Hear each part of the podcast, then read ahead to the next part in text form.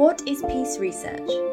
How can the study of armed conflicts help us to understand why conflicts occur, escalate, and end?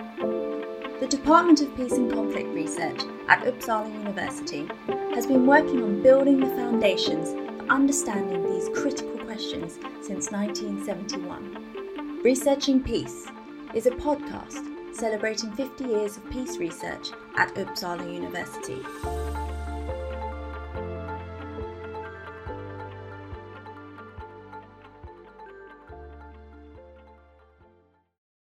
Welcome to Researching Peace. I'm Isak Svensson, and today I'm happy to welcome Kristine Höglund.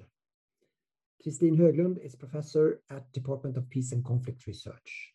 Great to have you here. Thank you, Isak, for the opportunity to take stock on peace research ahead of our department's 50th anniversary, which is very exciting. It's uh, good to be here. You have thought a lot about ethics, the ethics of doing research in context of peace and conflict. And when we talk about ethical issues, what do we mean? What, from your perspective, are the main ethical challenges for conflict research? Research ethics contain a large set of issues, I would say, that pertain to the responsibility of researchers and good research practice in the scientific profession. I think a significant part of it concerns issues of academic honesty and standards to ensure good research practice kind of such as the right of intellectual property, research transparency, how to prevent fraud, uh, and other forms of reprehensible practices and, and scientific misconduct. But research ethics also have to do with the obligations and, and the role of the researcher vis-a-vis broader society. For example, how we can conduct research that matters to those most concerned and retain some kind of humility for those who are affected by conflict. And kind of the challenges that arise when we collaborate with policy actors or political actors, whether these are state agencies, international organizations, or, or local communities. But I think perhaps most importantly, uh, it concerns how we relate to the individuals who are directly affected by participating in empirical research, uh, often referred to as the kind of human subjects. For example, by being uh, interviewed, responding to survey questions, or participating in an experiment. And this last area on, kind of data collection and field research is the one which I have given most thought because of my own research that has contained information gathering on site in conflict affected countries where these different ethical dimensions come to the forefront as when doing interviews with victims of violence or when conducting research in areas where violence is still ongoing or where there are court cases even going on against perpetrators of the very violence that we want to understand or are interested in in explaining. This is super interesting. I'm fascinated by what you say about the importance of humility of those affected and having approach of listening to these human subjects. Is there a particular role for ethics in peace research? Compared to other disciplines and areas of re- research as you see it? Uh, that's a good question, Isak. And I think that part of the answer is yes, and part of it is no. So there are a number of different principles that guide responsible scholarship, and many of them cut across uh, essentially all disciplines, I would say. But the specific environment in which they are put to use will um, vary. So, a first issue we need to recognize is that peace research is a normative driven research field. It's uh, kind of founded as a response to the vicious consequences of armed conflict, and I think not the not the least the two world wars. And I think as such, our discipline is really guided by concern to understand how violent conflict can be prevented, how the destructive effects of violent conflict can be reduced, and how peace can be obtained. And I think that, that the role of peace research uh, in all of this is to, provi- to provide a um, knowledge base which can inform solutions to to these types of problems relating to peace and conflict. And one of the, the founding fathers of peace research in Sweden, Håkan Wiberg, he put the normative orientation of peace research as aiming to give priority to peaceful means of addressing conflict and contributing to, to peace as a, as a whole system. And I think this pers- perspective of peace research really stand in contrast to the kind of promotion of particular state interests or other partisan interests. And I think this normative stance should be you know, expl explicit in the way we construct our research questions and in how we interpret the implications of our findings. I think the other matter that affects ethics in peace research specifically is the nature of the topic. So peace and conflict research is about life and death. We deal with the kind of gruesome killings and atrocities, uh, forced displacements and sexual violence. And the, these, these events we research have really traumatic effects on, on people, the very people we sometimes want to interview or, or survey or observe. So, so much of the, the work in our discipline implicitly or explicitly concern vulnerable populations and deal with sensitive issues. Uh, and in, in addition, I would say we often carry out our data collection in very fragile political situations, sometimes when war is still ongoing, and most often in context characterized by distrust, fear, and, and, and silence or silencing. So I think that these uh, features of our research have consequences for how we set up our projects. When we embark on research concerning sensitive and ethically challenging issues, they have to be of some significance. We, we are in this profession because we think that research in conflict settings uh, is, is necessary to answer important questions that cannot be addressed without an understanding of conflict dynamics. And if we then come to the conclusion that there is, is a, some kind of great added value of conducting a project on a specific topic that entails collecting data with humans as participants, we, we kind of need to develop strategies to identify and, and mitigate potential risks. But I think that the way we deal with these risks are, you know, share very many similarities with many other disciplines and professions. It has to do with you know, placing the respect for and, and well-being of human participants as the, the kind of main duty of the researcher. It has to do with what we do before, during, and after we embark on the data collection, uh, you know, including questions of informed consent, how the data is protected during and after it has been collected, and, and how results are conveyed.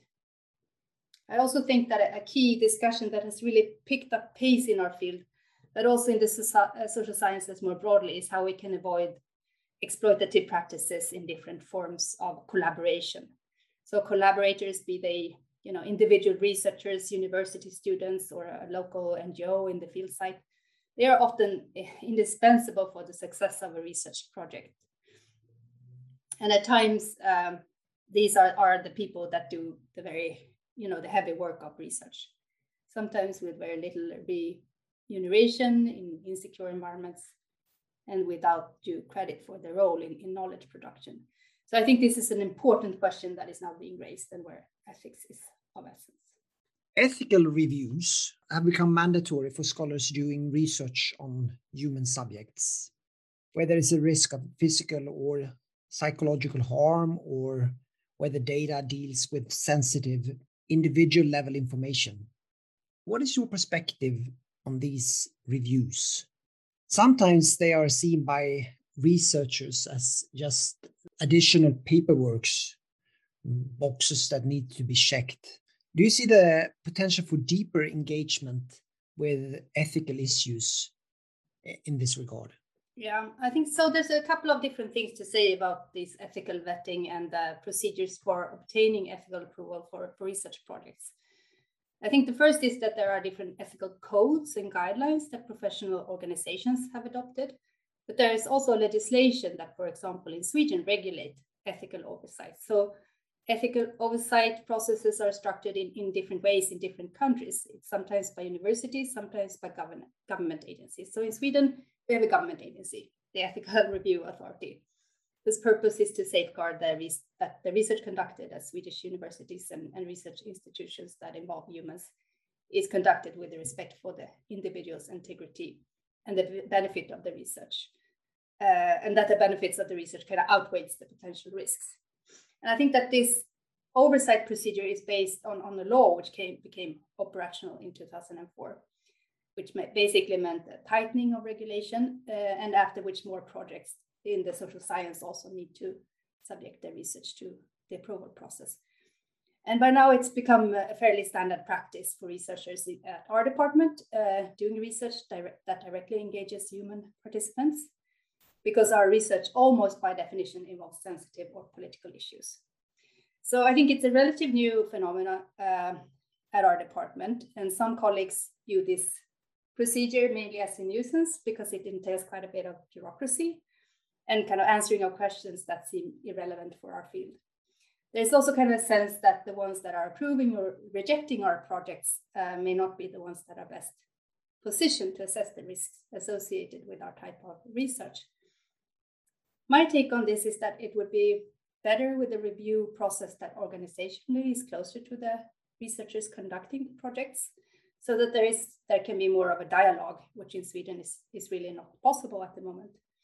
But largely i think it has been sound for the field as a whole and for discussions with our within our department. So first i think it has put the whole issue of ethics to the forefront and forced us to reflect much more systematically about the risks associated with with our research and the first time i was part of putting together an ethics application was for a project by one of my phd candidates that I was supervising. And it was a huge learning opportunity. It was the very first time I actually thought through all different ethical challenges for a specific project in a comprehensive and systematic manner. and at our department, I think that this formalization of the ethics review has also inspired us to formalize field research training with ethics as a, as a key component, which is something I completely missed out on during my own doctoral studies. So I think this procedure that we go through for ethical approval, approval gives both kind of the researcher, the project leaders, and the supervisors much more insight into the ethical dimensions of, a, of any research undertaking. So the researchers in the project and the doctoral students have to describe their research and the data collection procedures and identify the risks associated with the research and the strategies to, to mitigate the risks. So in this way, kind of putting together the application really feeds into the research process and preparations ahead of the of carrying out the, the research. But I think uh, your question was whether this also uh, inspires deeper ethical reflection. And I think it's really important that the focus on ethical approval from relevant authorities does not distract us from being attentive to issues that are not covered in the formal review process. So ethical clearance is only one dimension dimension a much larger set of set of issues that we need to reflect upon and address in the in the research process and as a research community we need to engage in some form of continuous reflection and learning about the ethical predicaments of the of the work that we're doing.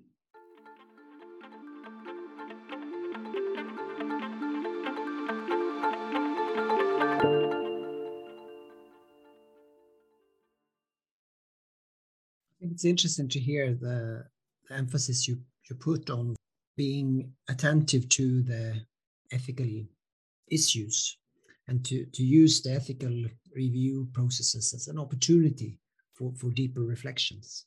Now, in your own academic work, you have done field research in countries such as Kenya, Sri Lanka, South Africa, Northern Ireland, and elsewhere.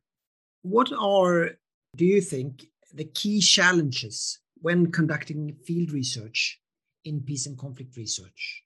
So overall, I think that doing fieldwork is a, is a humbling experience. And I think to me, it's been an absolutely indispensable experience in my uh, development as a, as a researcher. Uh, you know, meeting and, and getting to know those affected by the consequences of conflict, of encountering and kind of navigating the context in which the kind of questions you're probing actually transpire and the, of interacting with individuals, organizations, and government agencies, and, and in kind of doing so, understanding much more about the power dynamics that are going on. I think that the most challenging aspect has been to accept the uncertainty and unpredictability, entailed in conducting data collection in, in the field.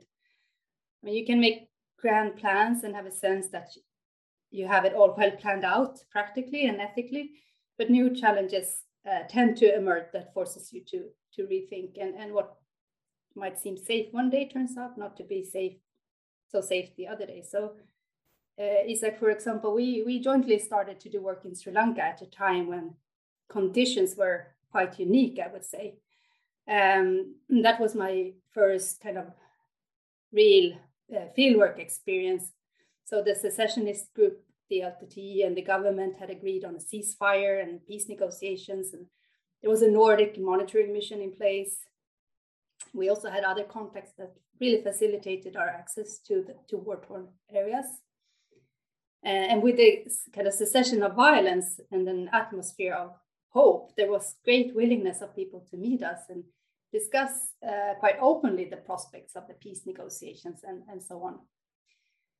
Uh, but only a few years later, uh, as I was still doing work on, on Sri Lanka, the, the, ceasefire unraveled, and it was very difficult, if not impossible, to gain access to the very same war torn areas we had been doing research in. But while spending time in Sri Lanka, I had kind of become aware that of other forms of political violence that peaked around election times happening outside the war torn areas and mainly between parties of the of the Sinhalese, uh, the majority group in, in Sri Lanka. So my idea was to kind of shift my research uh, to that that form of political violence, and my idea was to select three villages in the central parts of the country and do interviews to kind of get at questions of why violence hits some villages harder than others and to probe the, the consequences of violence. And I, I teamed up with a Sri Lankan scholar to do this work jointly. But the, this research really turned out to be much harder than I had ever envisaged. And I realized that I had been naive to think that it would be easier to do research outside of the war torn areas. Uh, the research was also kind of fraught with ethical challenges that I had not fully anticipated when I, as I set out on doing it.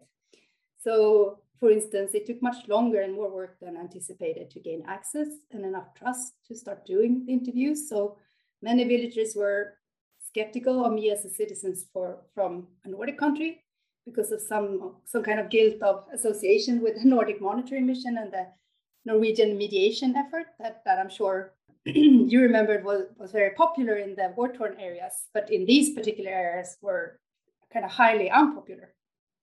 I also realized that although the violence had happened many years before we came there for, for the interviews, there were still court cases going on that related to the violence, which also made the villagers very skeptical of my role in all of this.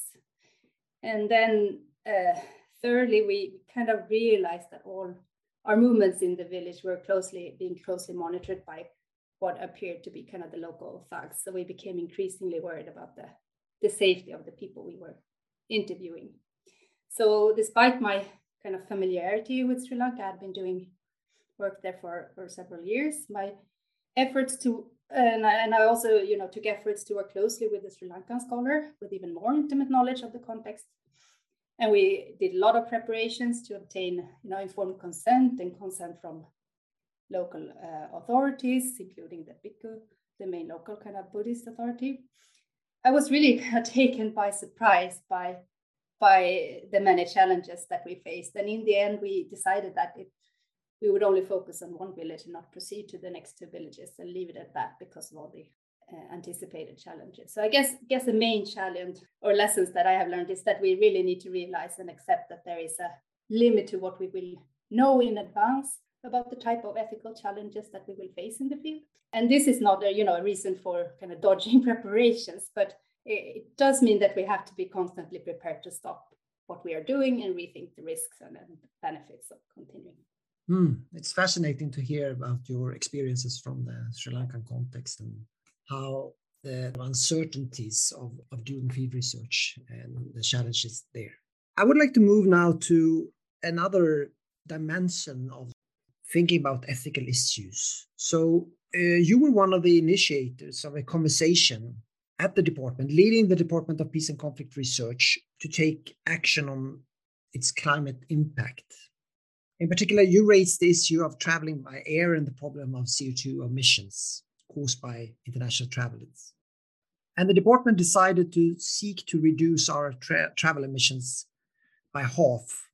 And at least seen in the short term, uh, we have been successful in that regard with an about 40% reduction in CO2 emissions from travels.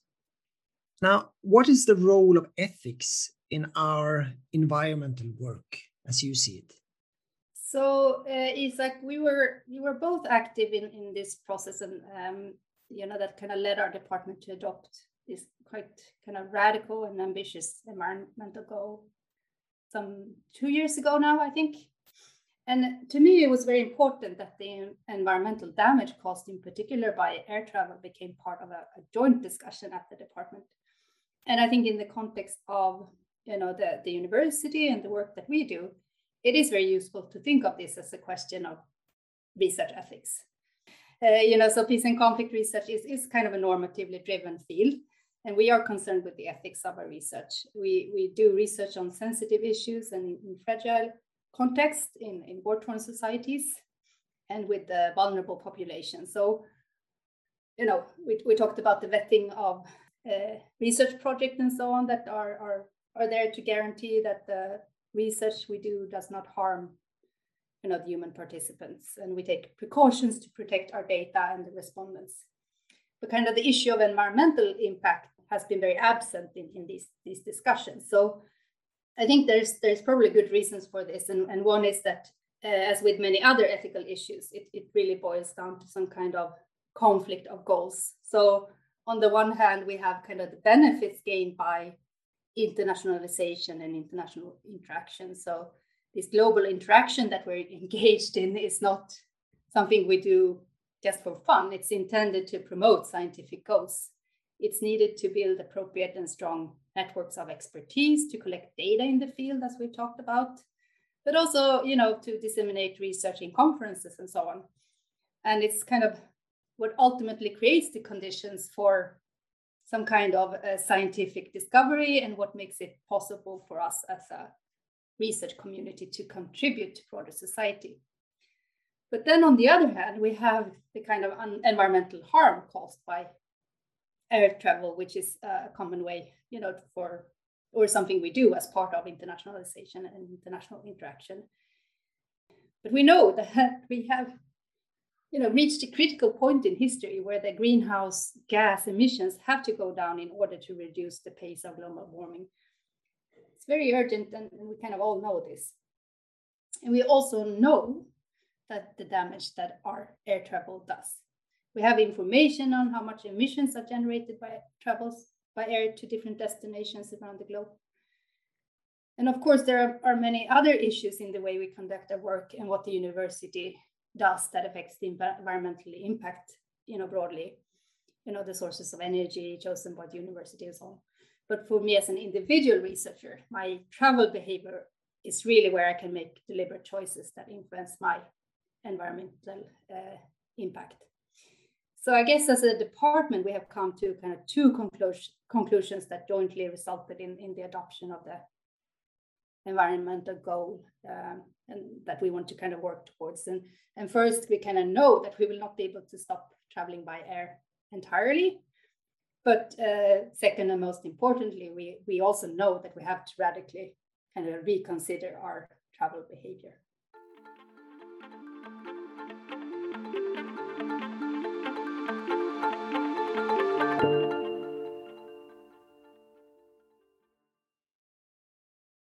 This is a podcast where we try to make sense of peace and conflict research that we have been doing here at Uppsala University since 1971.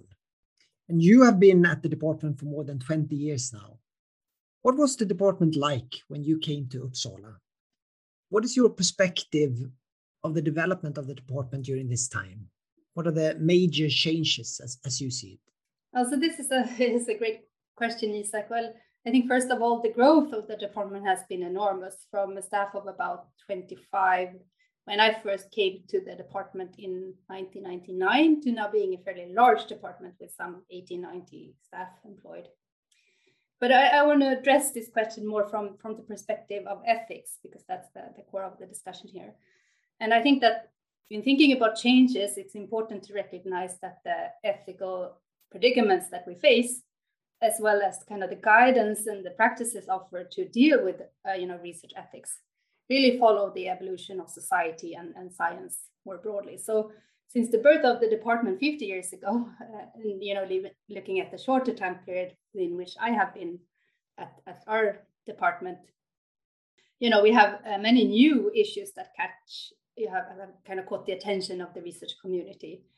Um, you know, when when we you know develop new methods and apply them, and when we find new types of material to analyze. So so that's when when we see new challenges uh, emerge and, and development. So for example, the advent of social media has really opened up new questions about the role of information technology in conflict, but it also offers researchers new source materials to tap into. And as a consequence uh, of these kind of developments, we also see kind of new ethical issues that arise, for example, in how informed consent is obtained in, in online research.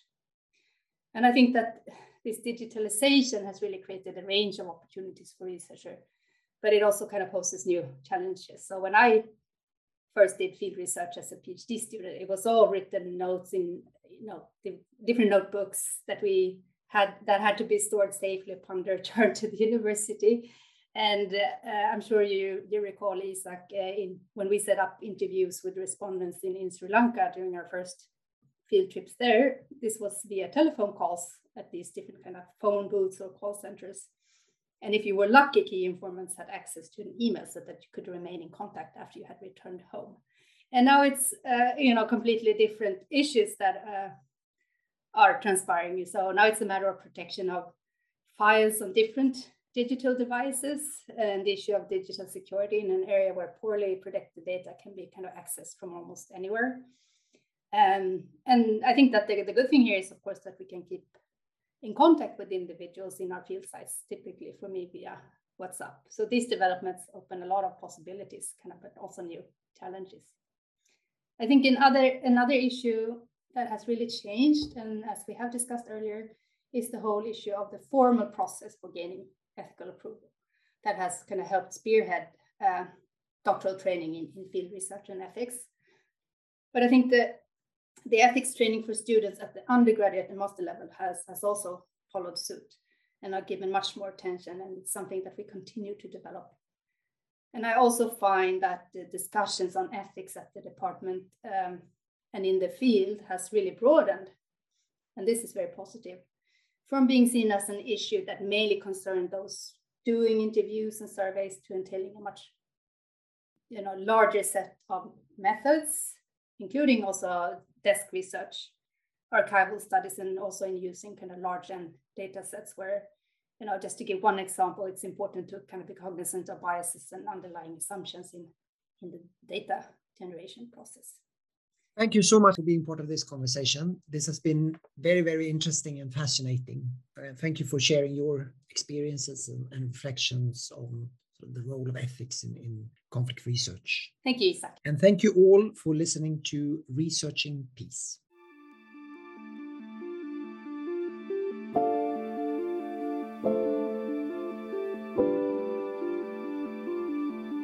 What is peace research?